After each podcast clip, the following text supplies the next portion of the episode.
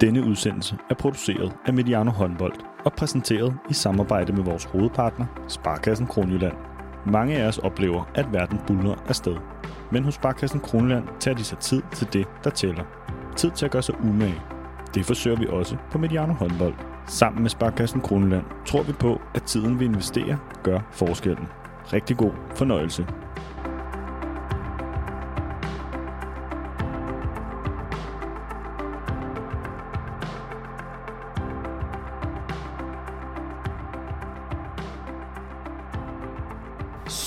At vi ikke blev europamestre i den sport, vi selv har opfundet. Men bare rolig, der starter en ny slutrunde i næste uge.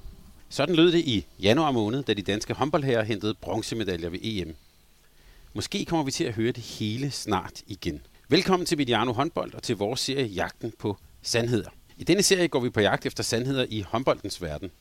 Næsten som var vi ombord på Apollo 11 en sommer i 1969, så vil vi forsøge at udfordre etablerede sandheder og blive en smule klogere sammen med dig, der lytter med. Vi stævner ud hver måned, og det er i godt selskab med to faste medværter. Peter Brestorff Larsen, velkommen til. Tak skal du have. Du er netop hjemme fra to kampe i EM-kvalifikationen med Færøerne, og du har blandt andet spillet mod Ukraine.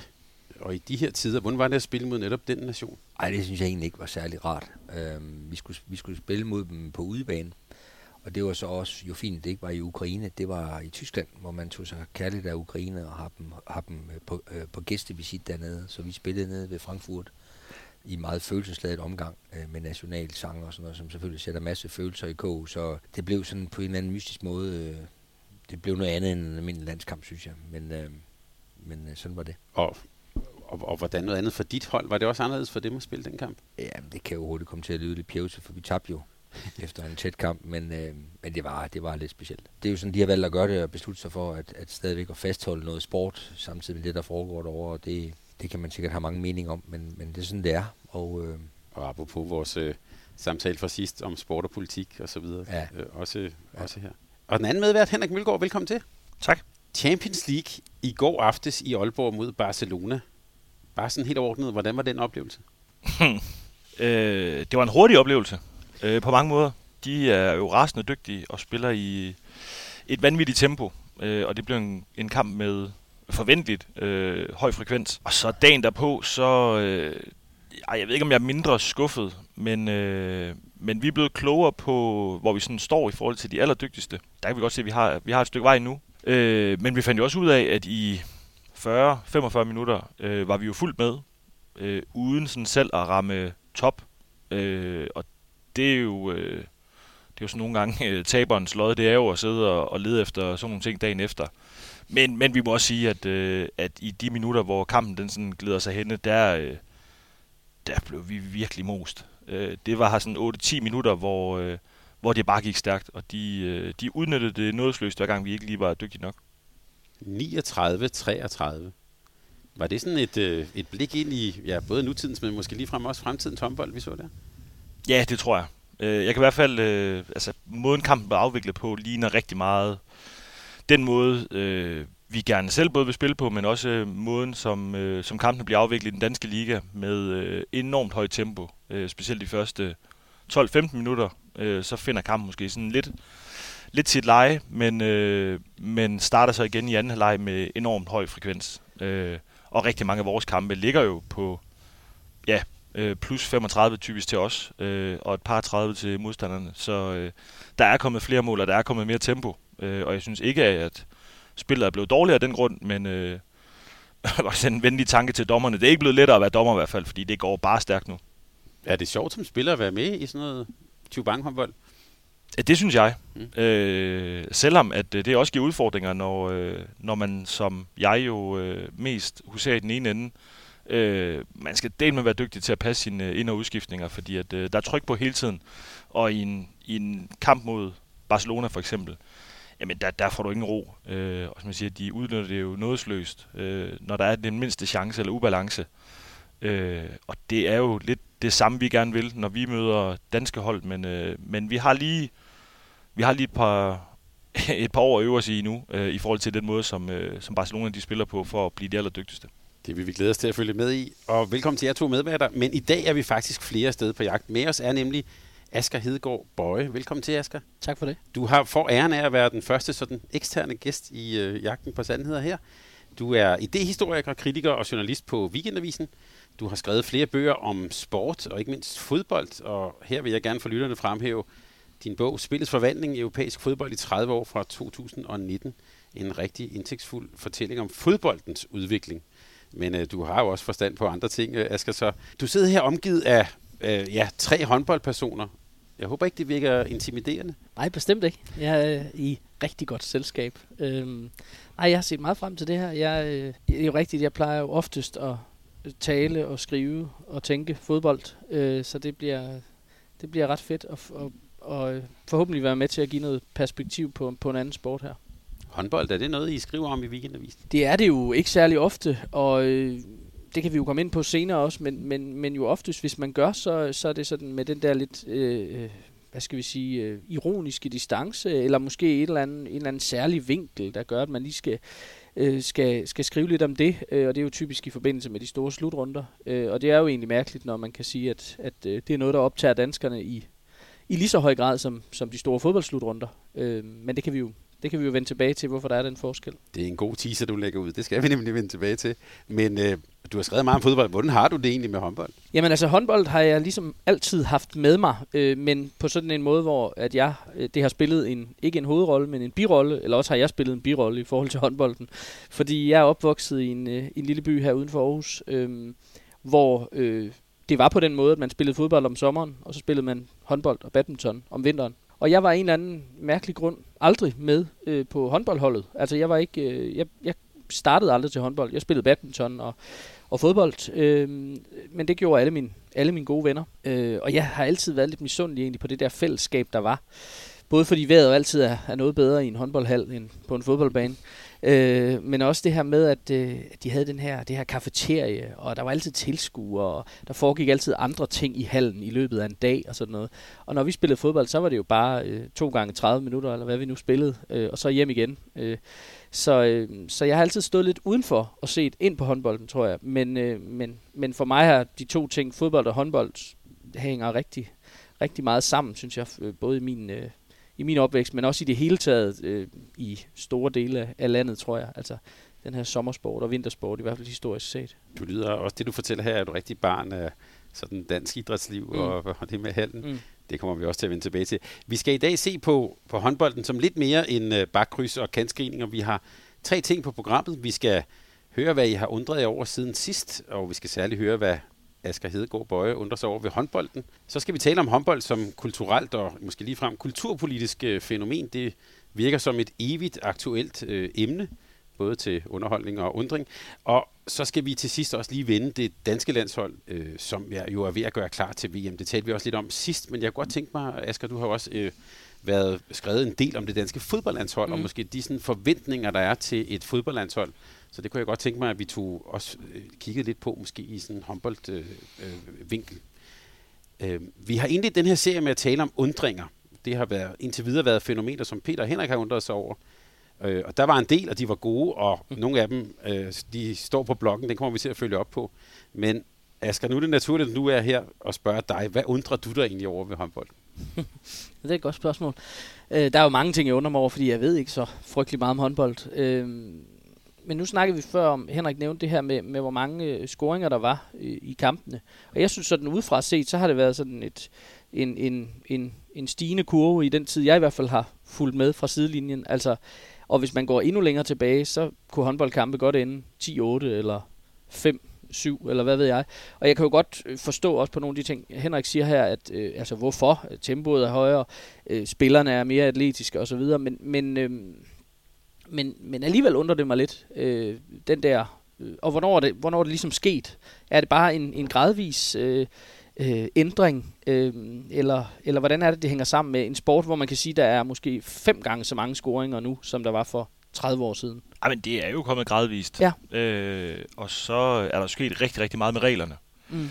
Øh, da jeg var barn, øh, der var det jo øh, sådan noget med, at man skulle tilbage over midten, før bolden måtte gives op. Hvilket betød, at man kunne rent faktisk nå at lave altså, fede jubelscener i hallen. Det, altså, det er jo ikke så afgørende måske, men alligevel en stor ting, når man er 10-12 år, mm. øh, og kunne få lov at lave flyveren hele vejen til midten. øh, de dage er jo over. Altså nu er det jo bare at forvente øh, skien og se at komme hjem igen, fordi ellers så øh, går der tre sekunder, og så har Barcelona scoret igen. Og, øh, og der har selvfølgelig været nogle, nogle hold og nogle perioder, som har øh, som sådan har været forgangsmænd øh, og har flyttet nogle ting øh, og været med til at, sådan at flytte ideen om, hvordan håndbold skal spilles. Øh, det var vel Lemgo, som virkelig tog det her hurtigt midte til sig øh, og ødelagde Bundesligaen fuldstændig ved at, at begynde at spille på en helt anden måde, end man sådan havde spillet tidligere. Øh, og den er så bare blevet finpudset, og, øh, og, og i dag er det jo nogle helt andre typer, end, mm. end vi så for 15 år siden, som var i høj kurs. Og det kan vi godt se, at selv, øh, jeg, vil, jeg vil ikke sige lavere stående, men, men selv øh, Balkanholdene er jo helt anderledes skruet sammen og konstrueret øh, i dag, end, end de var, da jeg begyndte at spille øh, europæisk håndbold. De er mindre, de er mere adrette, de kan rent faktisk godt løbe hjem. Øh, de har ikke den her tilstand af, at de bliver kede af det mere, og man kan bare øh, man, kan, man kan ødelægge dem på et kvarter. Altså, den sandhed findes ikke mere.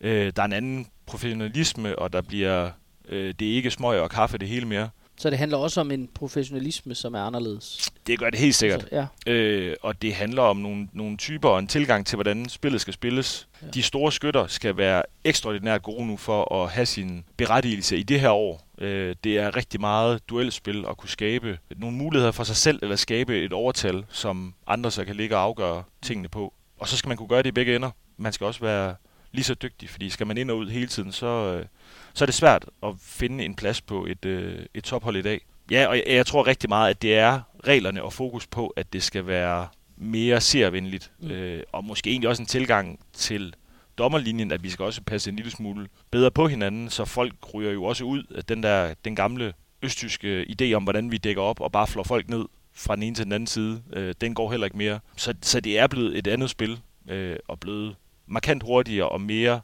mand-mand betonet, end, øh, end det var det, vi andre vi, vi begyndte at interessere os for det. Men altså, synes du udefra, er det mindre seværdigt med de mange scoringer? Nej, altså jeg, jeg sidder og tænker på, for mig så minder, det, øh, så minder håndbolden mere om basket, end den måske gjorde tidligere.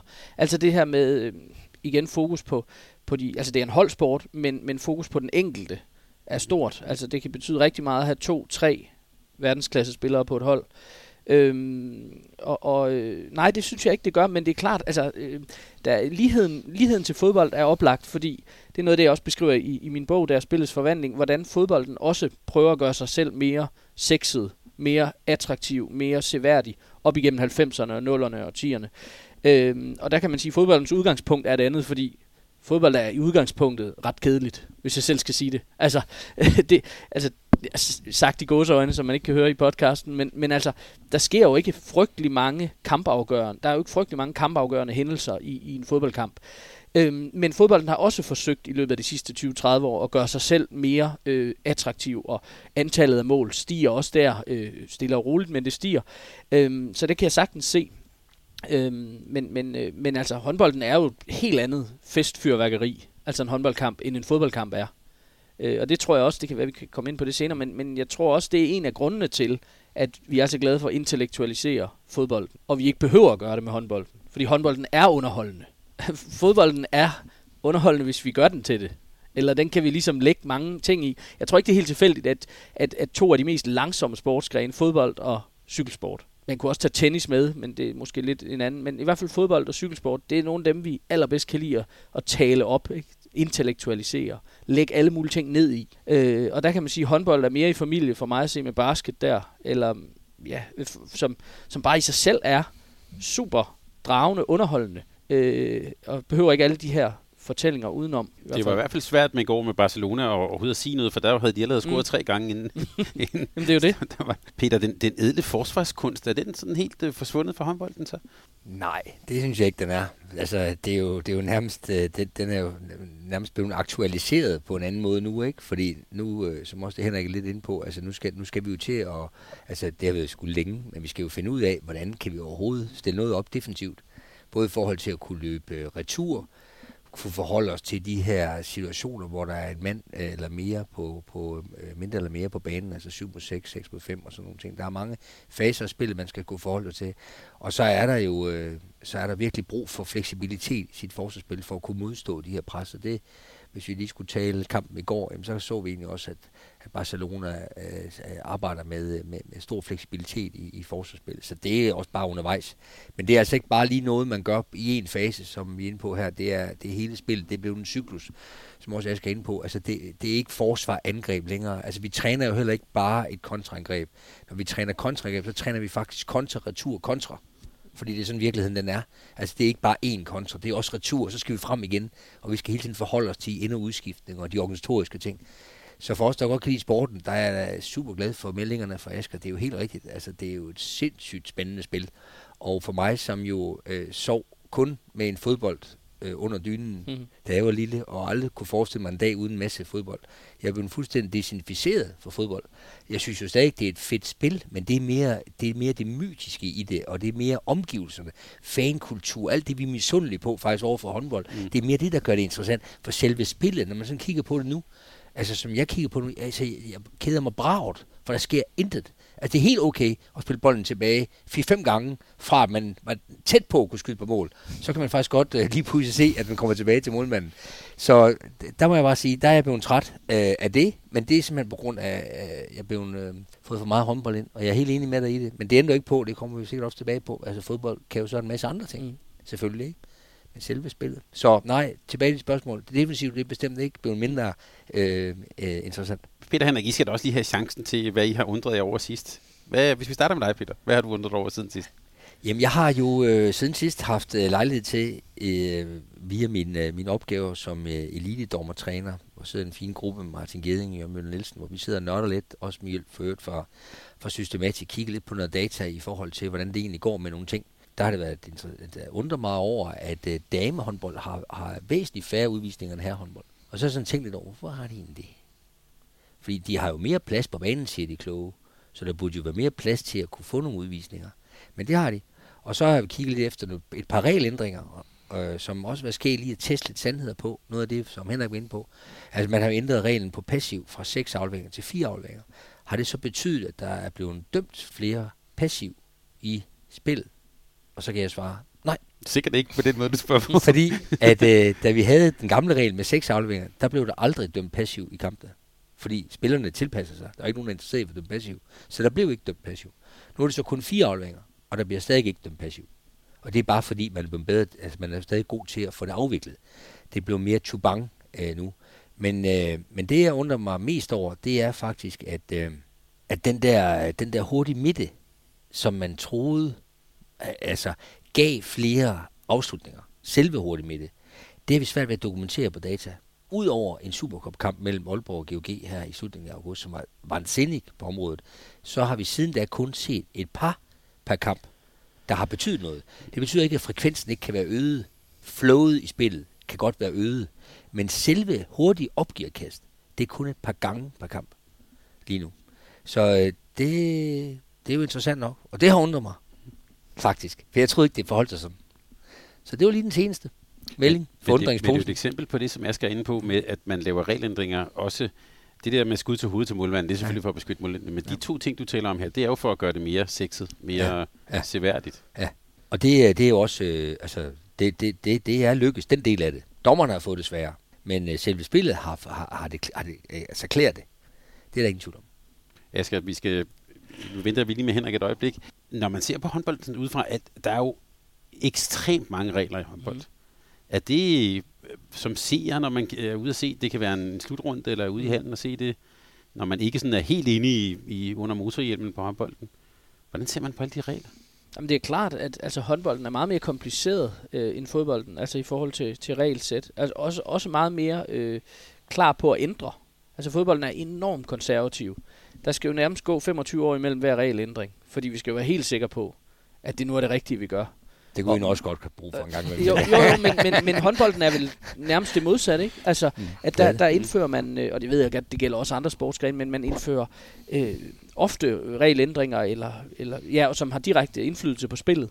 Øh, så nej, jeg synes ikke, det er, det er svært at følge med i håndbold, altså i selve spillet, men, men der er jo rigtig mange ting, som, som det øh, hvad skal man sige, som det blotte øje eller amatørblikket ikke fanger. Altså øh, hele systemdelen i håndbold. Altså, hvis du gør det, så gør jeg det, og så gør en tredje spiller det.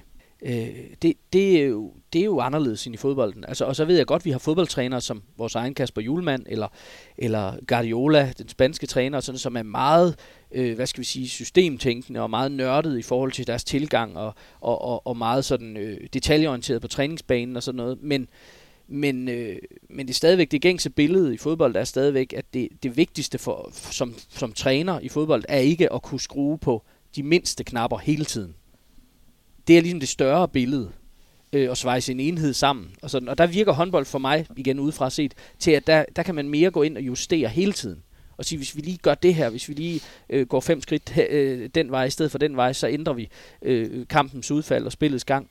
Øh, og dermed måske også trænerens rolle er måske også øh, vigtigere, og det ved jeg godt. At jeg har engang kommet til at skrive det her i Berlingske Tidene, og jeg fik simpelthen nærmest havde mails fra, jeg ved ikke hvor mange fodboldtrænere, som sagde, at jeg havde misforstået alting, fordi de var jo stadigvæk de vigtigste, synes de. Men jeg nævnte det her med, at jeg synes, at en håndboldtræner er vigtigere end en fodboldtræner.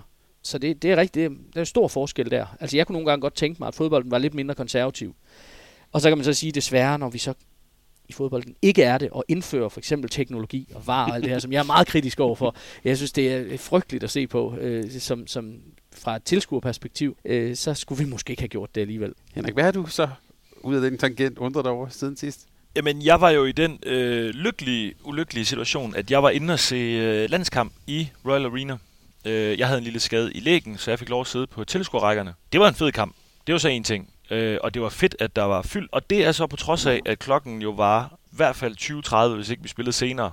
Det er simpelthen at sige, det, det undrer jeg mig over. Det er, øh, jeg forstår godt, at øh, det er selvfølgelig et hensyntagen til tv. Men jeg synes, at vi har lagt for meget magt over på tv. Det er jo en, en situation, vi har bragt os selv i via de rettigheder, vi, øh, vi har solgt. Men, øh, men når så vores eget forbund kæmper rigtig meget med at få unge til at spille håndbold, øh, og vi skal have knækket kurven, øh, og vi kan se, at der er dalende medlemstal, øh, så synes jeg, at det er øh, på sin plads, at, øh, at vi også kan tilbyde de unge mennesker at komme ud og få nogle store oplevelser øh, med landshold og de største øh, kampe, vi har herhjemme, at, øh, at det ikke skal være på grund af seertal og, og det bedste tv-slot, men at der også er mulighed for småbørnsfamilier at komme ud og se, se deres helte, øh, og få en autograf, og få en snak, øh, og få et billede, øh, og få skabt nogle forbilleder. Øh, fordi det, jeg synes kun, at det går i en forkert retning. Øh, når det er slutrunder i udlandet, jamen, så kan det måske være noget andet. Øh, og vi spillere har jo ikke noget problem med at skulle spille kl. 20.30 eller 21.15. Det tilrettelægger vi vores dag efter. Men vi har en stor udfordring øh, i forhold til det her med at få flere børn til at komme i hallen. Øh, vi har selvfølgelig også flere tilbud nu øh, overalt, og, og vi skal også kæmpe med internettet. Men, øh, men så må vi heller ikke selv smide de bedste muligheder, vi har væk for at vise vores øh, fine produkt frem. Og det, det synes jeg egentlig, vi er, øh, vi er en lille smule i gang med. Øh, vi ved godt, at, at dem, der er 50-70, øh, de kan sagtens tåle at være længe op, øh, og de skal nok komme i hallen. Men vi vil jo også gerne give nogle store oplevelser til, øh, til de små, øh, og den skal vi passe på. Men det er vel bare udviklingen, kunne man vel sige, ikke? Det er jo også sådan i fodbold. Altså, det er vel øh, rettighedshaverne, der bestemmer, hvornår vi skal spille. Det er jo rigtigt, ja. men det er jo rigtigt, som Henrik siger, det er jo det er mere langsigtet blik, eller det mere sådan lange perspektiv er jo, hvordan får vi nye generationer ind i butikken. Øh, og der tænker tv-selskaberne jo af god grund meget kortsigtet. De tænker, hvor mange seere kan vi få, hvor mange reklamer kan vi få ind i pausen, øh, og så går de efter det. Og der er 2030 selvfølgelig bedre end 1430. Øh, men jeg er da helt enig, det samme problem i fodbold, der har været det i årtier. Altså at både det med spilletidspunkter, men også at spilletidspunkterne bliver givet ret sent. Det ved jeg ikke, hvordan det er i håndbold i forhold til ligakampene, men at man ikke som fan kan vide den søndag, klokken det og det, skal jeg i hallen. Men, det er et problem, vi har også. Ja, og det synes jeg, man skal passe rigtig meget på med. Altså, øh, fodbolden er begunstiget af, at der er rigtig mange, øh, der gerne vil se fodbold, og, og, og tilskuertallene herhjemme i Superligaen, selvom de kan gå op og ned, er stadig væsentligt højere gennemsnittet, end det var for 30 eller 40 år siden. Øh, håndbolden er jo et lidt andet sted. Jeg sad faktisk lige og, og, og kiggede lidt på det her undervejs, men det, ret mig, hvis det er forkert, men et, et snit mellem 1500 og 3000 til, til danske håndboldkampe mm. cirka altså afhængig af klubben. Øh, men det er jo ikke, det er jo ikke, altså det er jo, det er jo sårbart. Altså, der skal ikke være mange, der forsvinder, før at, at der ikke er så mange tilbage. Altså, og det, det synes jeg da virkelig, man skal, at de der, og det er nok ikke tv-selskaberne, kan vi nok ikke kræve det af.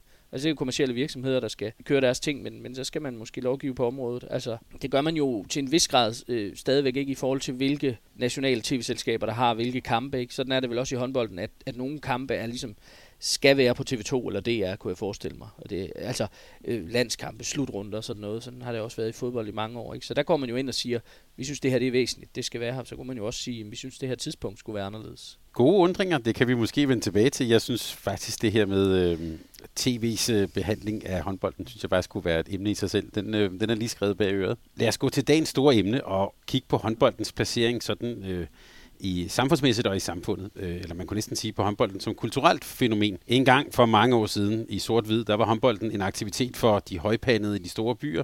Det blev spillet på gymnasierne. Claus Riffberg digtede om gummiskoenes lyd hen over gulvet, og håndbolden var befolket af mange tænkende akademikere. Sådan er det ikke helt længere. Nu er håndbolden for nogen blevet synonym med en lavkultur, måske lige frem en kultur, som den kulturelle overklasse kan se ned på og foragte. Det er sådan blevet nogle gange sådan lidt sådan en, en punching bag. Henrik, du og jeg var faktisk for et års tid siden i, i samme program på Radio 4, øh, ikke, ikke samtidig, men hvor de sådan ville øh, tog sig for at skulle redde håndbolden øh, øh, fra, øh, ja, fra, øh, fra den musik og alt muligt, som der var der. Jeg prøvede i hvert fald at tale det lidt op, vil jeg sige. Hvis vi sådan skal lede efter det sådan øh, øh synes jeg, mejslet i granit, hvordan man ser på håndbolden, så kan vi tænke på øh, DR's øh, dramaserie Arvingerne, som DR, og nu citerer jeg omtalte på den her måde, en fortælling om de markante spor og konsekvenser af en hæftig brydningstid i et moderne familieliv. Hvad enten det er foregået i tilsyneladende frigjort og progressivt kunstnerhjem, eller i et mere traditionsbundet og fællesskabsorienteret håndboldmiljø i provinsen. Altså, det er sådan de to modsætninger, som, man, man, som øh, Maja Ildsø kunne forestille sig her.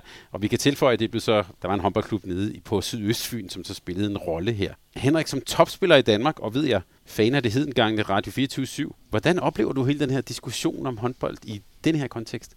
Ej, jeg har da hørt den mange gange. Og jeg vil også godt tilslutte mig, at, øh, at vi til tider måske selv synger med på samme sang, om at, øh, at det er sådan lidt en, øh, nu sagde du, øh, den her kafeteriastemning. Øh, men det er lidt den her øh, dårlige musik og klappølser. Jeg har da været med til at tale vores egen sport ned. Jeg gør også rigtig meget for at tale den op, både vores klub og vores sport. Men jeg kan sagtens genkende det. Øh, og jeg synes, øh, jeg synes egentlig også, at jeg har set mange sjove takes på, øh, på hvor pøllet håndbolden øh, egentlig er det kunne godt være Michael Bertelsen fra, fra 24 for eksempel, som har, har, øh, har sagt mange øh, sjove ting om det. De, de kan ikke rigtig lade det være. Altså, det er alligevel øh, sådan en januar, øh, der fylder håndbolden alligevel så meget. Øh, og, og til dels egentlig også i, i december, nu ikke glemme øh, kvindelandsholdet, at, øh, at det, det, det falder simpelthen for mange for brystet, at øh, helt det der håndbold, og det er bare surt og gråt i forvejen. Og så skal vi også høre på, øh, på, øh, på dem nu i to måneder. Øh, at, at de ikke helt kan lade det være og bare sådan lade det fare, det synes jeg egentlig er ret sjovt. Fordi så er vi jo, så er vi jo trods alt der, hvor vi gerne vil være. Vi vil jo gerne være, være aktuelle. Øh, den dag, der er ikke nogen, der mener noget om os, så, så er vi ved at være færdige. Peter, du har været med i en del år, så det fornærmer jeg dig ikke, øh, vil jeg sige. Øh, også omkring det danske landshold og i de her slutrunder og sådan noget. Hvordan har du sådan oplevet udviklingen i, hvad kan man sige, i synet på håndbold? Jamen altså, øh, jeg, jeg, jeg skal ikke, øh, jeg, skal, jeg kan tilslutte mig, tilslutte mig rigtig meget af det, Henrik han siger. Og generelt må jeg sige, så bliver jeg jo også i andre sammenhænge øh, en lille smule nervøs, når nogen øh, stiller sig an som dommer på andres vegne.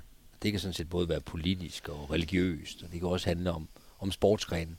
Så det er i sig selv, at nogen hen fra en anden sportsgren, som også er en holdidræt, kunne finde på at sige nogle nederdrægtige øh, ting omkring håndbold. Det gør mig allerede bekymret allerede der. Fordi meningen er vel ikke, at vi skal være enige om noget som helst. Vi skal vel bare fastslå, at håndbold som sport øh, jo gennem, øh, siden vi jo selv opfandt det en gang, du kan sikkert at det ved at du kan, Thomas. Hvornår opfandt vi det egentlig? Den første håndboldkamp blev spillet i Danmark i 1907. Ja, det kan du se. Ja. Så jeg var, jeg, var, jeg var sikker på, at jeg var på rette spor. Vi kom altså forbi 100 år. Så det her det er jo ikke noget, vi bare lige har fundet på. Og det er jo helt vanvittigt, hvad der har været af fællesskaber, og heldigvis stadigvæk er fællesskaber, som er baseret på den her fantastiske sporthåndbold. Altså rundt i foreningslivet, fællesskaberne ude i, øh, i foreningerne, og vores unge mennesker, der vokser op med, med den der fornemmelse af, at vi er noget sammen, og selvom vi er forskellige, og alle de der fine ting, det er, det er håndbolden jo skabt. Så selvfølgelig skal det bare have alt det der ros, det hovedet kan få. Øh, og så vil jeg sige, særligt de her år, når vi også lige kom til at snakke lidt tv, hvor, hvor det hele lige pludselig har ændret sig. Og det, nu, nu ved jeg godt, nu, nu kommer jeg til at lyde, ikke for den 107, men tæt på. Det, det må jeg sige, det er noget af det, der virkelig gør nas for mig. Det er, da jeg voksede op, så når man spurgte Bjarne hen i skolegården, så du fodbold i går? Så hvis han så sagde ja, så vidste jeg, at han havde set Stoke mod Norwich. Og den havde jeg også set.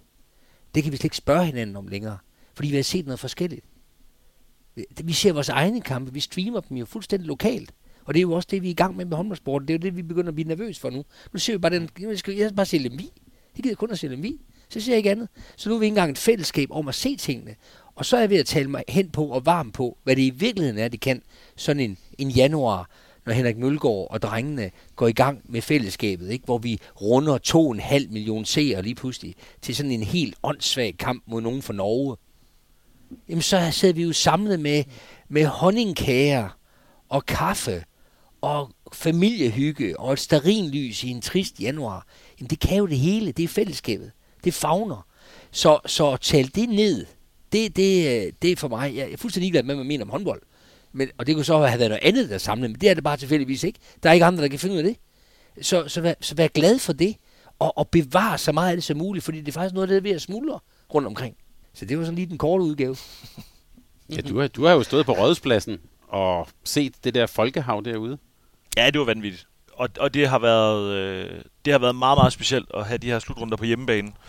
Øh, fordi når vi normalt er afsted, så, øh, så ved vi jo godt, at øh, der er mange, der følger med. Øh, og vi bliver jo også en gang imellem forlagt øh, øh, seertallene, og der er gang i den, og, øh, og høre derhjemmefra. Men, øh, men det her med at slutrunde på hjemmebane, og sådan at stå midt i det der hav af Øh, det er jo ikke kun øh, se og høre ude hjemme og hund og kat, som kigger forbi. Altså, det er jo alt, og vi kan ikke, øh, vi kan ikke gå uden Selv for... weekendavisen kan godt få at komme. det er der, Ask har lagt mærke til. dem, dem har jeg faktisk ikke set endnu. Og det er det, man Øh. nogle gange kan evaluere på slutrunden, så ved man, når, når, når, når, når sådan nogen begynder at komme, så ved man godt, nå, Inden fra Nu- salongerne, nu lød det lidt som Støjberg.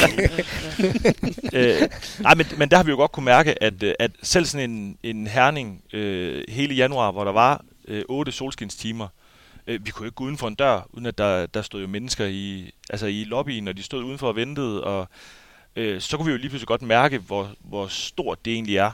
Øh, og det har, været, det har været vanvittigt at prøve, fordi at jeg tror i hvert fald for min egen del, så er det jo sådan noget, jeg tænker, når fodboldlandsholdet spiller, så er det jo noget, vi alle sammen er sammen om. Så, så er jeg jo en del af, det er jo os.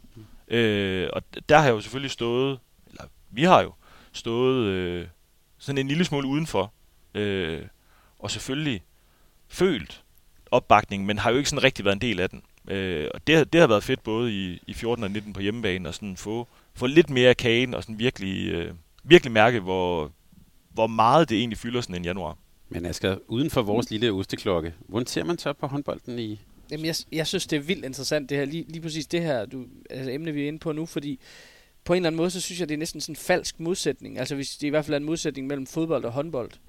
Fordi altså, de to sportsgrene minder da så meget om hinanden i deres øh, kulturhistorie og i deres, øh, øh, i deres øh, øh, forenings, øh, i forhold til Forenings Danmark og den lille provinsklub og øh, og, og, og også den her rekruttering af, af folk fra alle mulige samfundslag. Øh, så jeg har, jeg har altid haft lidt svært ved at se den der forskel på, hvorfor fodbold skulle være enormt øh, øh, fint og højkulturelt, og så, og så håndbolden ikke er det, fordi altså, selve massen, altså øh, menneskemassen, er den samme for mig at se. Altså, øhm, øh, øh, så er det rigtigt, at, øh, at dem, der så beskriver henholdsvis håndbolden og fodbolden, er forskellige personer ofte, eller forskellige typer.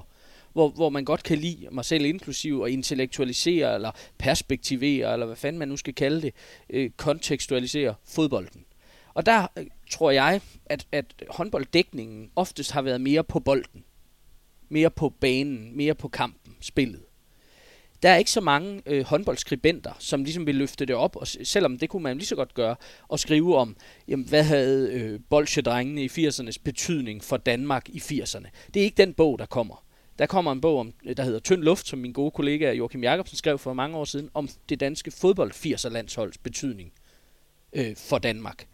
Så, så jeg tror mere, det er sådan receptionen af de to sportsgrene, eller hvad skal vi sige, tolkningen af de to sportsgrene, som er ret forskellige. Er blevet ret forskellige øh, i løbet af de sidste 30 år måske. Øh, fordi, fordi al den røg, som håndbolden får, har fodbolden også fået tidligere. Altså, hvis vi går tilbage til, længe før jeg selv blev født, men, men altså, hvis vi går tilbage til 60'erne, 70'erne, før Jørgen Let begynder at øh, intellektualisere sporten i det hele taget, kunne man sige. Han, Hans Jørgen Nielsen med fodboldenglen er et andet eksempel. Så er det alt sport, der får den her røg, som håndbolden får nu. Altså, så er, det, så er det uanset om det er fodbold, om det er badminton, tennis er lidt anderledes, fordi det er en overklassesport øh, tidligt, ikke?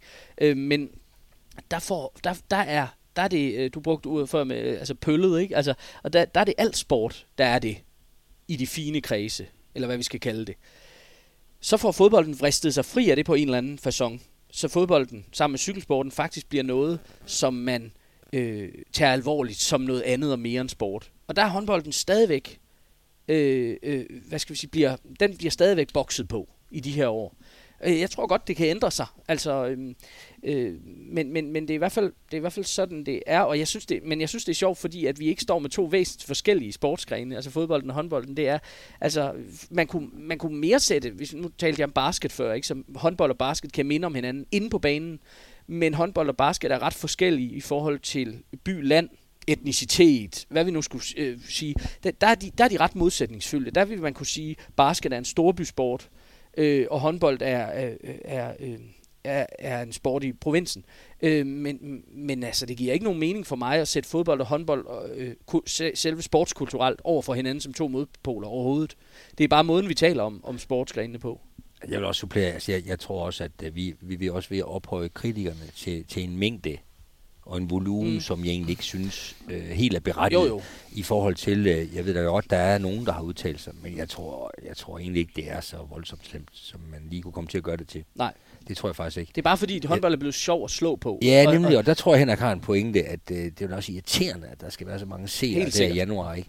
Når man selv har svært ved at fylde et, øh, et almindeligt øh, dansk fodboldstadion. Helt klart. Så, så jeg tror, der ligger noget, der ligger en lille smule øh, forsmåethed i dig, mm. for, for jeg er fuldstændig enig med dig, at det, det er en falsk modsætning. Mm. Det, det kan så meget, begge delene. Mm. Så det, og meget det, de samme. Ja, fuldstændig, altså. og, det, og det er nærmest det, man skal tale om i stedet for. Og så skal man da prøve at fastholde nogle af de væsentligste mm. værdier, der ligger i det, som jo på en eller anden måde glider sig henne, mm. synes jeg, i, de, i disse år særligt. Ikke? Men Peter, så vil jeg godt, det vil jeg godt udfordre lidt. Det må du også gerne. Øh, fordi jeg er med på, at, at, øh, at, at øh, der er Michael Berlesen og kritikere og Twitter og sådan noget. Men håndbold bliver jo, er jo også blevet et nærmest sådan kulturpolitisk fænomen. Altså, det er jo noget, man taler om, også når vi taler kulturpolitik, når vi taler, ja, i det hele taget politik. Du var Støjberg er allerede blevet nævnt her. For nylig havde Svend Brinkmann et, et, et stort et, hvor det også handlede om at kigge på andet end normal Danmark, øh, så sagde han andet end håndbold Danmark. Øh, Mette Frederiksen, Socialdemokrater, har talt utrolig meget om håndbold, som ligesom en, det er jo sådan en kulturel markør. Jeg er almindelig, jeg er en af folket. Så det er jo, altså, det er jo, det er jo vandret bare fra, det, hvad kan vi sige, det her sådan almindelige måde, vi taler om det, til faktisk at være sådan en, noget, man kan tage på sig næsten. Jo, jo, men, men du refererer jo igen til nogle, øh, til nogle individer, som har meget taletid mm. og bevågenhed. Nogle af de nævne, du nævner. Og det, det, det, betyder jo ikke, det betyder jo så ikke, at det er noget, mange synes. Men, men det er jo en elite, der fremstår mm. som, jeg vil kalde det, åndssnopper. Mm. Og, og samtidig er det jo mennesker, som i bund og grund gerne vil stå for det mest inkluderende og, og bredt fagnende på alle mulige områder. Men i virkeligheden, det man så kommer til at sige i sådan en sammenhæng, det er jo ekskluderende. Så, så det kommer faktisk bag på mig nogle gange, når jeg hører nogle af de her dygtige mennesker udtale sig på den måde. For jeg, jeg forstår det simpelthen ikke. Øh, og, og på samme vis, så, så holder jeg også weekendavisen. Eller har forsøgt. og det er jo ikke nogen billedbog. Øh, og der står jo mange fede ting, som jeg godt kan forstå. Øh, altså, det er ikke alt, hvad jeg forstår, men jeg kan godt forstå, at det ikke er så mange, der vil læse det. Mm. Det er for de få. Det kan jeg godt forstå egentlig, samtidig med at jeg ikke forstår, hvad der står. Men, men det er jo død spændende. Så, så, øh, så øh, ja, jeg må tilbage til, at, at det, det folket vil have, det er fællesskabet. Det er noget at være sammen om. Det er noget, vi kan sammen. Det er noget, vi går op i sammen. Det er det, det, er det folket siger, når de klikker ind på, øh, på Henrik Mølgaard i januar måned, for eksempel. Ikke? Eller som de gør nu, hvor fodbolden er tilbage som et fællesskab. Mm. Nu, har, nu køber vi ind på den præmis igen. Der har de været dygtige på mange måder, ikke? Så øh, ej, jeg får lidt ondt i maven, når nogle af de der... Øh, de mest dygtige mennesker faktisk fremstår som åndsnopper. Men, men for eksempel det, du nævner, Thomas, i forhold til, at politikere bruger det som en, en markør for provinsen, eller for Jylland, eller hvad vi nu skulle sige, altså håndbold Danmark. Det er jo ikke ned, det behøver ikke at være Nej, nedladende. det, netop det, det synes jeg heller heller ikke, det er. Nej, nej, nej, nej, det er det, Ja, jeg mener. Så, ja. så, så det er jo, altså det er vel en måde at, at tale, eller tro, at man taler til nogle bestemte på, på Ja, en eller anden måde. ja. Men jeg sidder og tænker, om der ikke også ligger, ligger der ikke også noget geografi i det? Altså jeg ved godt, at der findes øh, håndboldklubber på Sjælland og i København, men, men har håndbolden ikke også flyttet sig øst fra øst til vest i løbet af nogle årtier, eller hvad? Altså, øh, og, og, og så når man siger håndbold Danmark, så mener man egentlig Jylland-Fyn. altså er der ikke Ja. også noget af det i det? Øh, eller, Det tror jeg da helt sikkert. Det tror jeg da helt sikkert. Altså det er jo, og det, og det er jo det, vi hører mest, det er jo, at det er en decideret jydesport.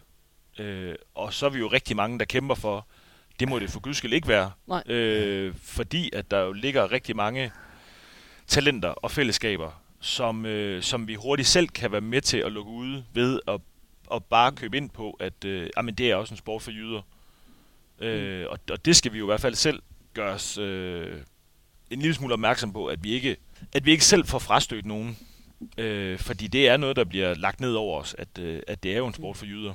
Men du har lige spillet Royal Arena for 11.000 til. Der var fyldt arena. Fantastisk oplevelse. Øh, elsker at spille derovre. Øh, og vi spiller jo også for fuldhaller, når vi spiller i Nordsjælland og Ringsted. Øh, og de gange, vi har været i Ajax. Så, så det er jo ikke det, der er problemet, men fortællingen øh, omkring det.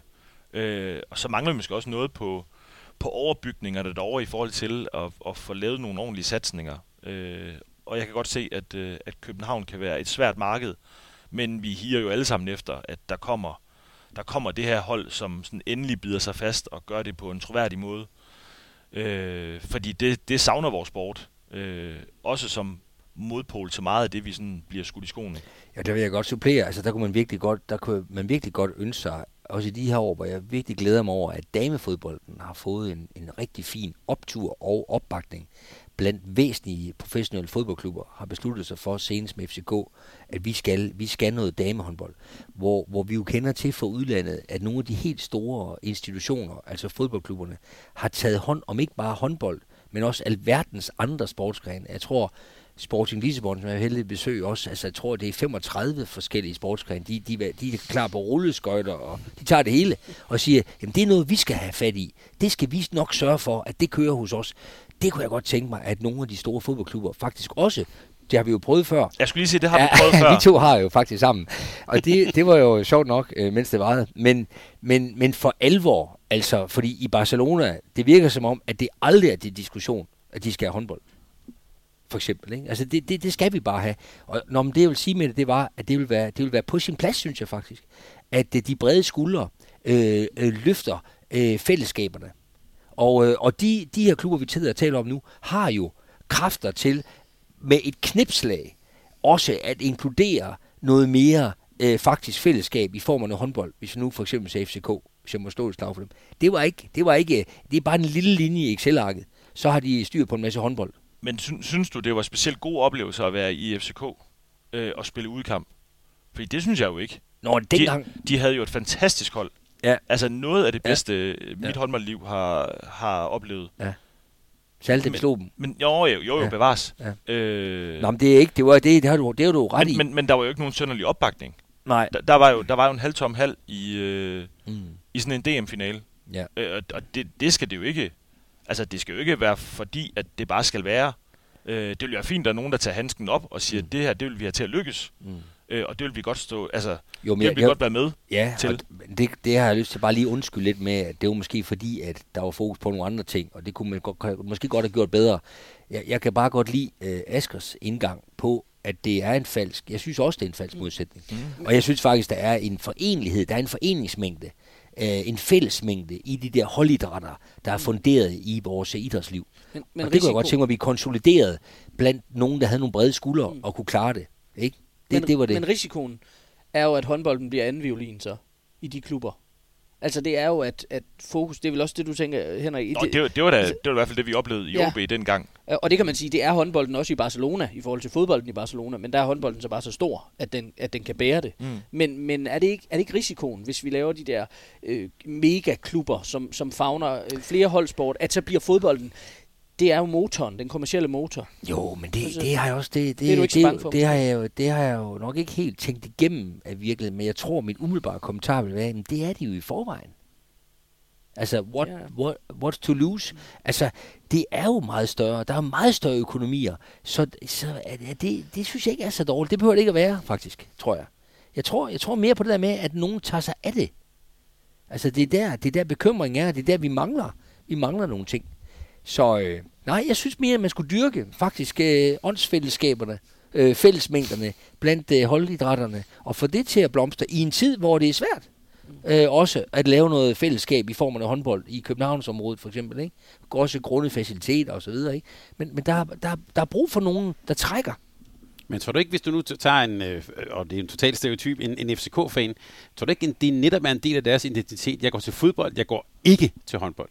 Jo, men det er jo, de har heller aldrig nogensinde prøvet andet end lige nogle få år. Altså, det er jo også en tilvænning, og jeg kan også- jeg ved, jeg, det har jeg da set ved selvsyn jo, at de har da også svært nok ved det i de store fodboldklubber, at fagne alle de her idrætsgrene. Mm. Det er da helt med på. Jeg har da set Barcelona spille på hjemmebane mod Huenca, og der var der ikke, der var der ikke ret mange andre end mig til at se den kamp. Så, så det er da med på, at det har da en anden violin. Men jeg kan også bare vende om at sige, jamen det havde de måske haft alligevel. Men det, at de har det og driver det på det niveau, de gør, det gør jo også, at de trækker noget med det lokomotiv. Og det bliver interessant at have med at gøre. Ikke? Så, så det er ikke helt spildte kræfter. Hvordan var det i Frankrig? Det er jo egentlig, altså vi, vi oplevede jo altså enorm, jeg vil sige opbakning, men, men der var jo fulde hus alle steder. Øh, men foreningslivet er jo drevet helt anderledes. Øh, det er mere, øh, det er jo noget, du anderledes betaler for, for at få noget professionelt. Øh, det er jo ikke drevet af frivillige. Øh, I hvert fald ikke i, øh, i Paris og de store byer. Der er det jo et, et tilvalg, i stedet for, at du vil til øh, kunst eller violin, eller øh, hvad du vil, så, øh, så betaler du for, at din, dine børn, de bliver trænet af nogen, som rent faktisk mener det er alvorligt. Øh, og så snakker vi jo sådan noget akademilignende tilstand. Øh, øh, og vi havde da, vil sige, vi havde da også problemer med at, at få håndboldfans ind. Altså, de øh, gav jo ikke super meget for håndbolden, selvom det var det halve franske landshold og, øh, og en drøm om at vinde Champions League. Øh, så fik man så fat i nogle af, af de der ultras ude fra PSG fodbold, som ikke måtte komme på stadion mere, øh, men som så gerne måtte komme i håndboldhallen i, i bare kasse og solbriller. Og det gav noget, det vil jeg sige, og det skulle man have gjort i FCK. Øh, fordi det kunne godt have flyttet noget, hvis øh, sektion 12 de lige måske lige var dukket op til en DM-finale. Jeg synes faktisk, der skulle gå- når du nu har, de har så meget vind i sejlene på tilskuerdelen, så skulle man, så skulle man simpelthen sige, hvis du skal have lov til at have sæsonkort til fodbold, så skal du komme til håndbold. Det kunne give noget. De gav i hvert fald en helt anden stemning. Altså, der, der, der, der bliver ikke klappet, hver gang der er mål. Altså, den er de overhovedet ikke med på. Der bliver, der bliver sunget hele vejen igennem. Men hvordan ser man på, altså nu taler vi om det, hvordan ser man på håndbold i, i, øh, i Frankrig? Nu talte vi om det der, der har nogen, der har lidt det der tøhø om, om håndbold i Danmark. Øh, det gør man til gengæld slet ikke. Øh, det er, øh, det er øh, ret fint, øh, og de er virkelig dygtige til at øh, sådan at ophøje og hylde deres øh, helte. Øh, så landsholdet har jo en kæmpe status dernede, øh, og noget, som bliver taget meget alvorligt. Øh, og, og så snart vi kommer ud i nogle af de øh, mindre byer, men stadig store klubber, øh, så er det jo virkelig helte. Altså øh, Dunkerque, øh, blandt andet øh, Chambéry, nogle af de her steder, hvor, hvor håndboldholdene ikke nødvendigvis er specielt dygtige, men har en fantastisk øh, lokal forankring, øh, hvor, øh, hvor det sådan virkelig bliver, det bliver taget seriøst. Øh, og, og der, der er øh, der er vi i hvert fald et, et stykke efter. Øh, Jeg ved også godt, det, det findes også i Danmark, men, øh, men, men der er der virkelig noget, sådan noget lokal patriotisme. Nisme, tisme. Selvom, Jamen, jeg, vil, og jeg tror også en del af det, det er sådan det der sædvanlige danske mindreværd, lidt det der med, hvis vi har opfundet en sport. Så, eller det, det er altid et argument imod håndbolden, af en eller anden mærkelig grund. Jeg har aldrig rigtig forstået, altså, vi har selv opfundet den, så, så må vi ikke være gode til det, eller hvad? Eller, altså det, det er lidt det der lille land, når der er noget, vi er rigtig gode til, eller noget, vi faktisk har, har opfundet, ja, så, så kan vi godt lide at rynke lidt på næsen af det. Altså, jeg tror ikke, at der er mange englændere, der ser ned på cricket. Selvom det også er en sport, der er meget begrænset til et sprogområde, vil jeg næsten sige, ikke? altså til, de, til Commonwealth eller de engelsktalende lande, øh, øh, eller, eller med fodbolden i, i, i England eller Brasilien, eller hvor det vi nu skal, øh, øh, kan, kan se på det. Altså, der, der er man vel stolt af det så. Altså, Amerikanerne har jo taget den videre. De kalder jo deres egen øh, liga for verdensmesterskab. Ja, præcis. Fordi de har opfundet Ja, ja, det. Så vil sige, Ja. de er også de er verdensmestre. Ja, Det burde vi måske tænke over. og det, og, det, og det synes jeg i hvert fald er et dårligt argument mod, mod, mod håndboldsporten, at, at, øh, at det, det skulle være særlig nemt, fordi man selv har, har opfundet det. Og, og også den der myte om, at der ikke spilles særlig meget håndbold. Altså nu findes der ikke... Man kan sige, der findes ikke de her lister, hvor man sådan kan se, okay, hvilken sportsgren bliver dyrket af flest, og på professionel plan og bredde idræt. Men det kunne egentlig være sjovt at se, altså fordi, fordi håndbolden er der, er der et godt stykke opad. Altså, øh, det, det, det øh, øh, altså, jeg vil da tro, det er fuldstændig skud, men jeg vil da tro, at håndbolden er, er noget større end, end basket, hvis du tager USA væk.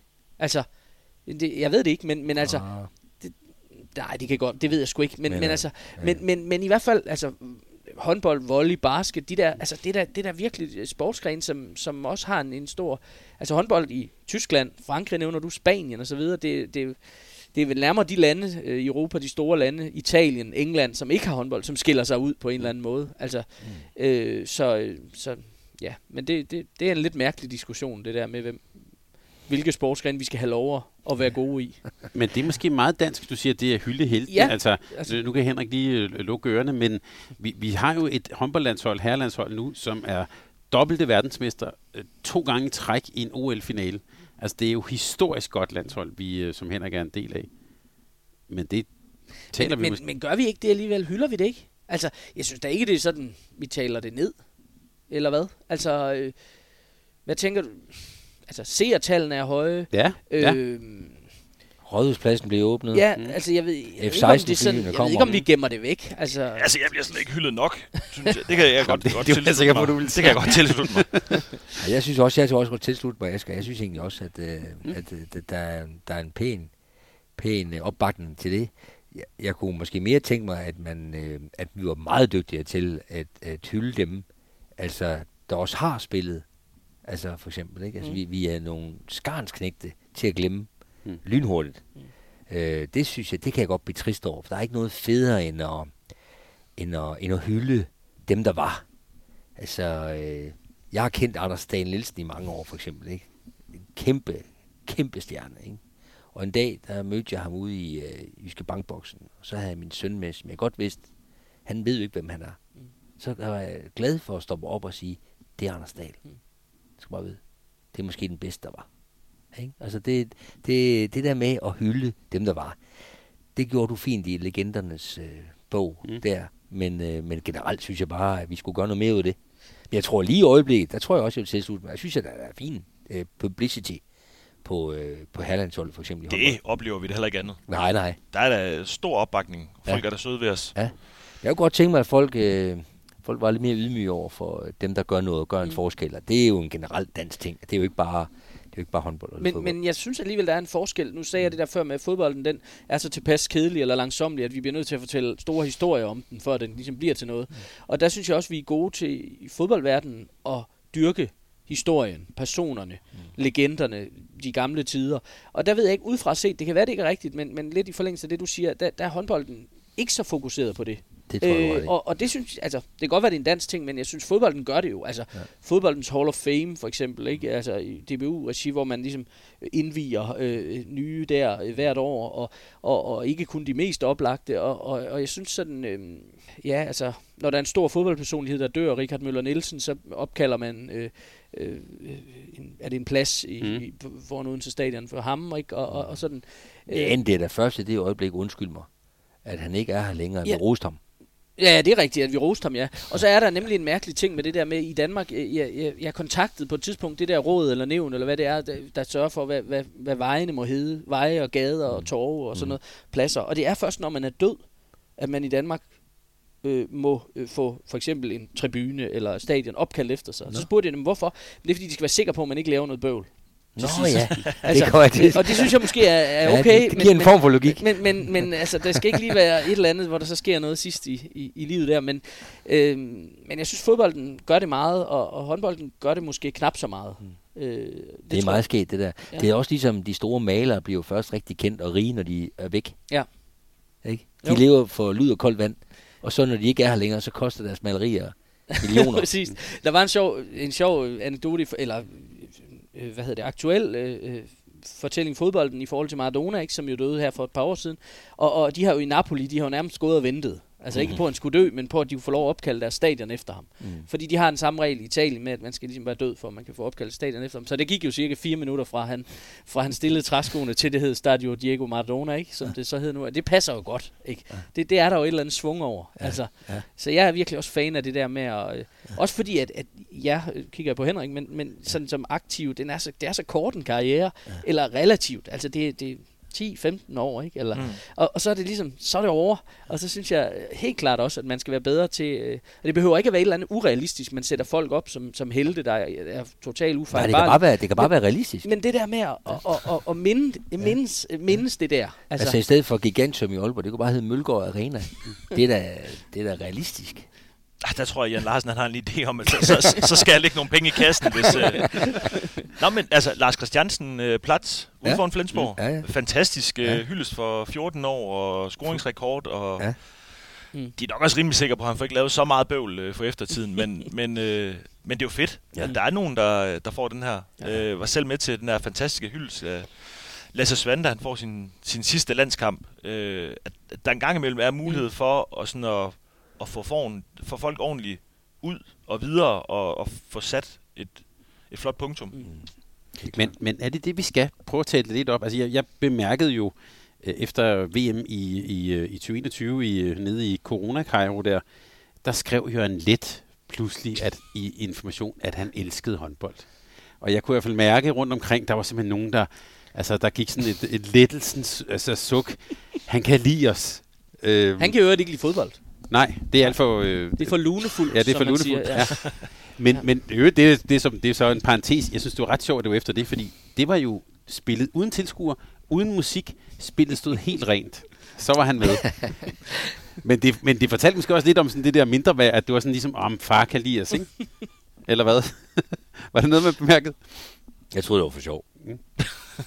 Nej, det var ret. Og det sjove var faktisk omkring ham, at jeg synes, nogle af de ting, han skrev, det var faktisk rigtigt set. Øh, altså omkring gissel og sådan noget. Det, han var ikke... Øh, han kunne godt se, hvad der foregik i hvert fald. Nå, men lad os øh, slutte med det med at prøve at tale det lidt op. Her til sidst, så vil jeg bare lige øh, øh vende noget med øh, at få Askers perspektiv også på det her med landsholdets betydning øh, i, i en dansk kontekst. Vi har allerede været lidt omkring det. Øh, vi taler os på en måde jo frem mod også VM i, øh, i, øh, i januar. Men lidt en, øh, måske en kobling til noget omkring det danske fodboldlandshold. Altså, øh, hvis vi tager med, med, med i fodbolden, der er der sådan en klassisk diskussion mellem sådan kynikere, romantikere, Cruyff og, og Pep Guardiola over for Mourinho.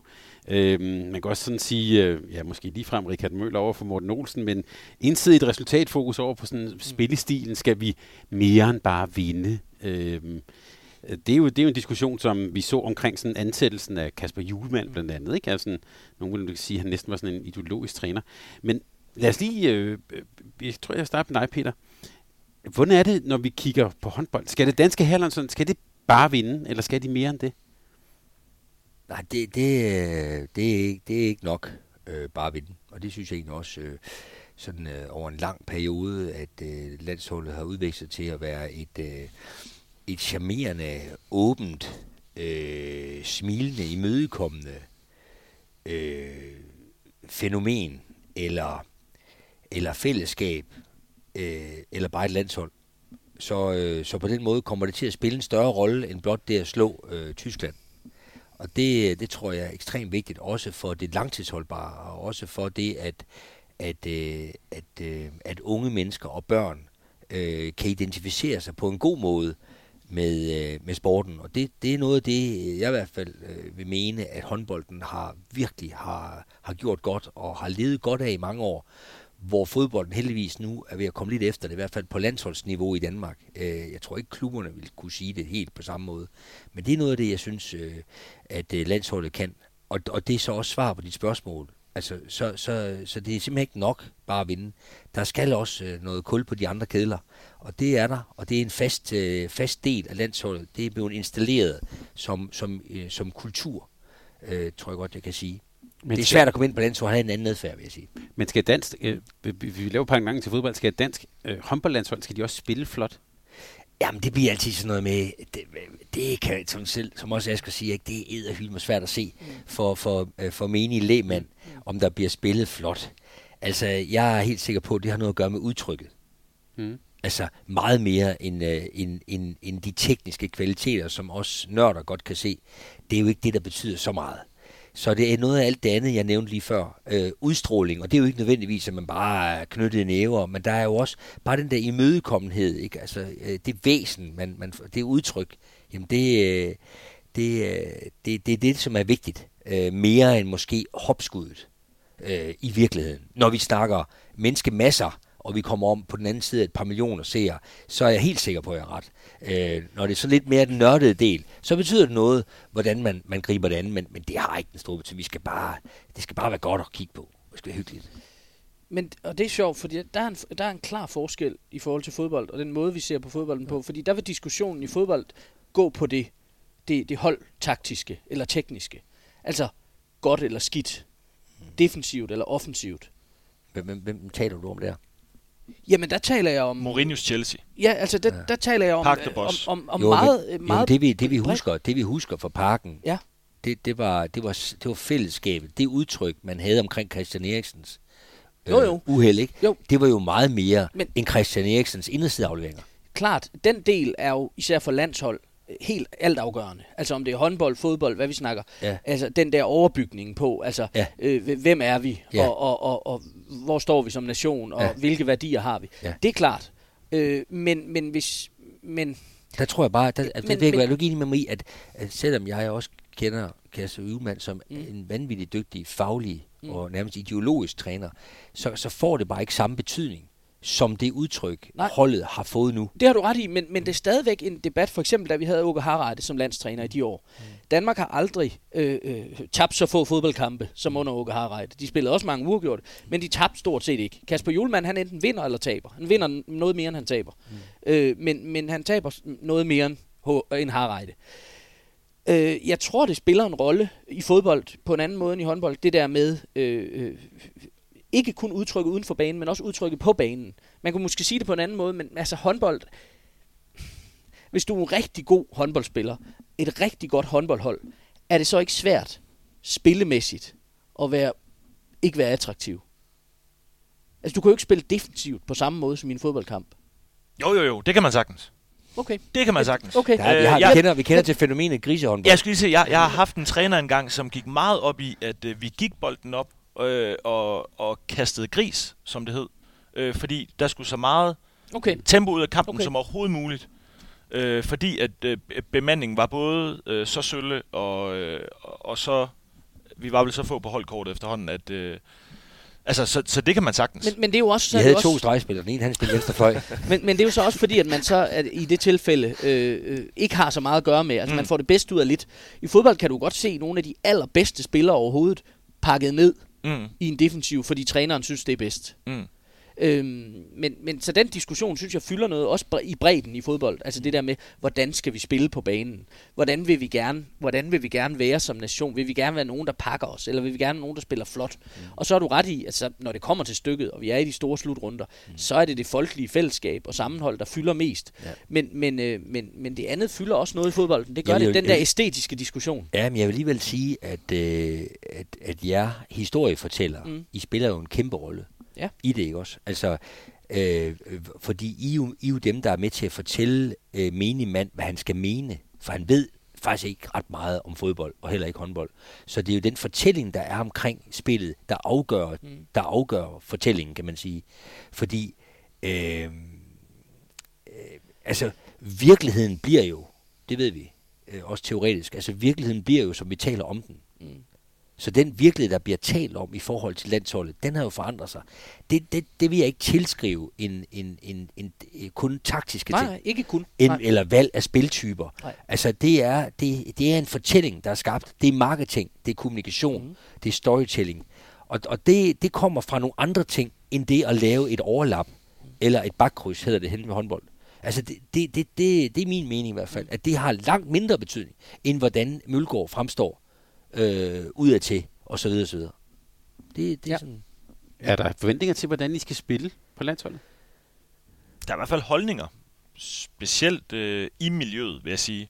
Så kan der sagtens være holdninger til, øh, om vi spiller for lidt ud over fløjene, eller løber ikke hurtigt nok kontra, om vi skal dække offensivt eller defensivt, øh, og hvad det er for nogle skud, øh, Niklas han skal bede om.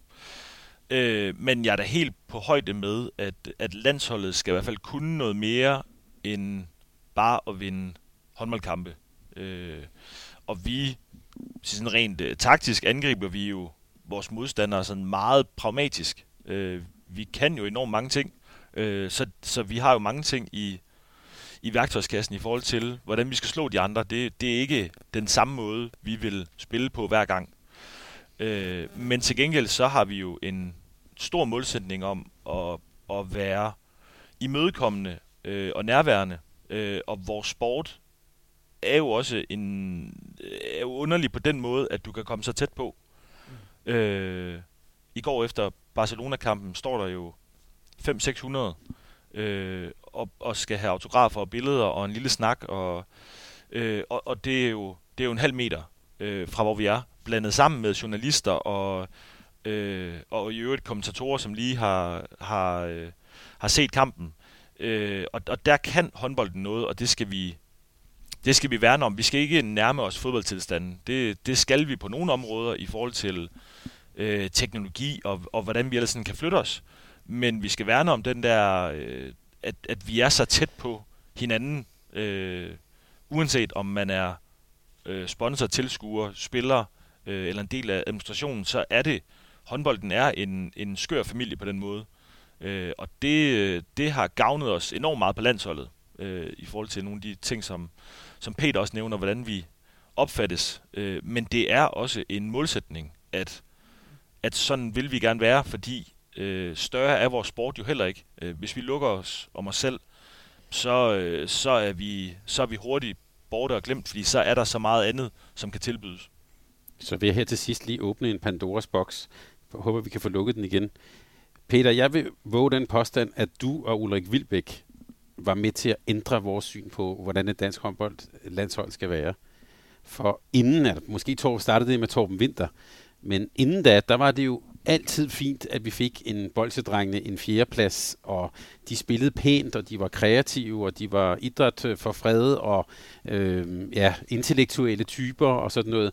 Øh, helt tilbage i 60'erne var vi jo også, der var hele den der fortælling om, at dansk håndbold var sjovere, mere kreativ, mere sådan opfindsom mod, hvor de andre var øh, dopede østeuropæere. I, I nullerne, der skete der jo en ændring, som hed, vi skal simpelthen vinde, og vi skal vinde guld.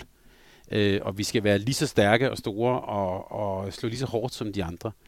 Det, jeg vil våge at påstå, at der faktisk skete en meget stor ændring i måden, vi så på, øh, på dansk håndboldlandshold. Jamen, øh, det, det, der, det gjorde der, men det var jo ikke, altså der var ikke noget, der, der, der kommer af ingenting. Altså, vi står jo altid på skuldrene af noget andet, kan man sige, ikke? Og, og der, havde, der, der skal Ulrik jo have stor kredit for os at have, have bragt damelandsholdet øh, frem, mm. og, og gjort, det, øh, øh, gjort dem usandsynligt gode i forhold til, der var jo endda nogen, der kom til at sige, at livet var for kort til det, og på trods af det blev det så lige pludselig nogle darlings, ikke? Og, og lige så den over i herrehåndbolden for os, der fik lov til at spille lidt i 90'erne, der begyndte der jo at være en bevægelse, det, nu bliver det jo en lang historie, om bevægelse, om fysisk træning, og vi skulle gøre det lidt ligesom nogle andre, der var gode. Og lige pludselig fik vi jo også nogle ungdomslandshold, som faktisk kunne konkurrere. Og, og der startede nullerne jo med, at man begyndte at nærme sig, og slutrunderne også at nærme sig medaljer og så videre. Så man kan sige, på toppen af det, så er det rigtigt, at, at, at da vi så vandt i 2008, der var, det jo, der var det jo fantastisk, at nu havde dansk landshold for første gang vundet en guldmedalje. Men det var jo ikke out of the blue. Altså det var der jo, der var jo trods alt en udvikling hen over lang tid, og det er jo også, øh, det er jo også vigtigt at huske.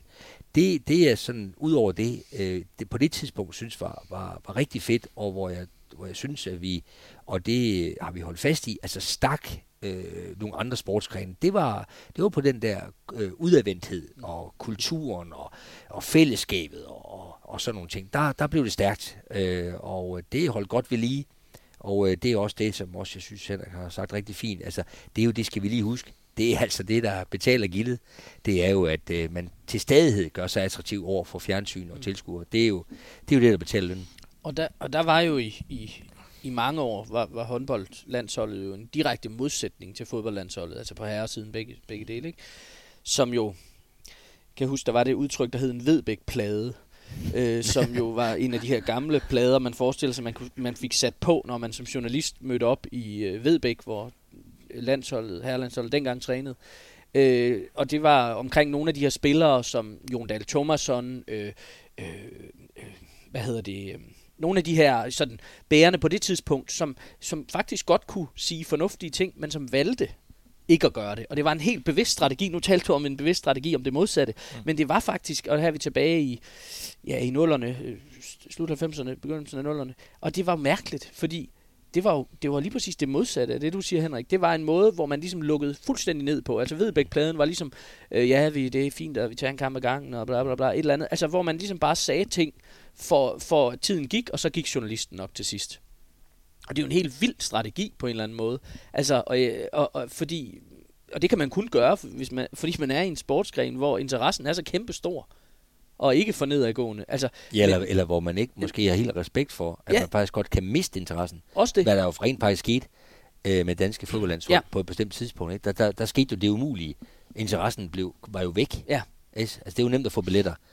Øhm, og, og, der, og, og der, der er man jo et andet sted i dag. Men ja, der, har, der, der, der har det virkelig været... Der, der har de ja. to øh, hvad skal vi sige, fænomener her, og, fodbold her, håndbold, landshold, måske nærmet sig hinanden mere, eller fodbolden er kommet mere over. Men noget for eksempel, jeg synes, der har været sket også, det med, altså, altså det der med, altså jeg synes, det er sjovt, vi, vi havde for eksempel aldrig en lukket træning. Nej. Altså, fordi hvorfor skulle man have en lukket træning? Altså man træner jo spillerne i, at der er noget, der er lukket. Ikke? Altså, der, det er jo bare et eksempel på, hvordan en adfærd kan blive trænet. Og jeg, jeg tror, øh, for nu nævnte du selv, jeg kender overhovedet ikke til Jon Dahl Thomasen, men jeg er sikker på, at han også blev trænet i nogle af de klubber, han var i. Mm. Der var han jo blevet trænet i netop at lukke sig om sig selv, og ikke sige noget. Og det at ikke sige noget, det var godt. Mm. Der er jeg glad for, at håndbold er på en helt anden måde. Mm. Ikke?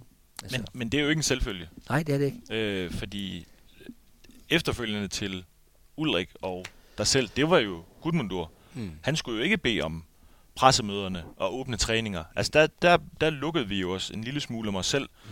og gav noget mindre. Mm. Øh, for jeg synes jo, det var jo sjovt at opleve efter Tom Vinterårene, øh, hele den her idé med, altså det virker jo plat i miljøet, øh, det her med ministerier, som lige pludselig blev sådan en stor ting, og det blev blæst op i pressen med, så var der forsvarsministeren, så var der kulturministeren, så var der øh, det ene og det andet. Altså, øh, håndboldlandsholdet blev gjort til noget større, end det egentlig var. Mm. Øh, på ren branding og storytelling. Mm. Øh, og, og jeg kan da sige, da jeg kommer med til min første slutrunde i 13, øh, det var da sådan en lille smule maskefald. Mm. Og, og øh, Gud, kejseren er jo nøgen. Ulrik, han var da ikke en dygtigere træner, end hvad jeg ellers havde haft. Mm. Men, men jeg havde det der glansbillede af, altså januar, han var jo kongen af for det første lodtrækninger, men så i øvrigt, de her kampe, han kunne jo det hele. Mm. Øh, og, og da jeg så kommer med, finder ud af, at gud, han, han er da ikke taktisk dygtigere end øh, Bredstorff, jeg har haft, eller øh, øh, Siverton-brødrene. Øh, men til gengæld, altså på de der hviledage, når der så var pressemøder, han kom med en agenda og en historie, der skulle fortælles, og så skulle vi i den her retning, og altså han havde så meget styr på det. Det var vanvittigt at opleve. Øh, og, og, og det kunne han jo. Og så kunne han jo finde ud af at samle et hold. Det var sådan noget helt andet. Men, men det var jo ikke... Han havde jo ikke lige set det der med, hvis vi så lige tredje gang, så spiller vi lige et bakkryds. Og Nej. så skal vi lige have den vendt, fordi vi ved jo, så står Jerome Fernandez derude med knæet, og der var han jo ikke, der var han jo ikke dygtigere end, end hvad jeg ellers har oplevet. Jamen, men han kunne nogle der... vanvittige ting ja. i forhold til at gøre mm. vores, vores lille hold større, end det egentlig måske berettiget til. Ja, og det er jo det, der i virkeligheden også bliver svaret på det spørgsmål, Thomas stillede. Altså, er det nok bare at vinde? Mm. Ikke? Nej, det er det ikke. Altså, det er vigtigt alt det andet i virkeligheden, hvis vi skal holde gang i julen, ikke også? Og populariteten. Lad det være, lad det være en god øh, øh udgangsreplik. Tak fordi du var med.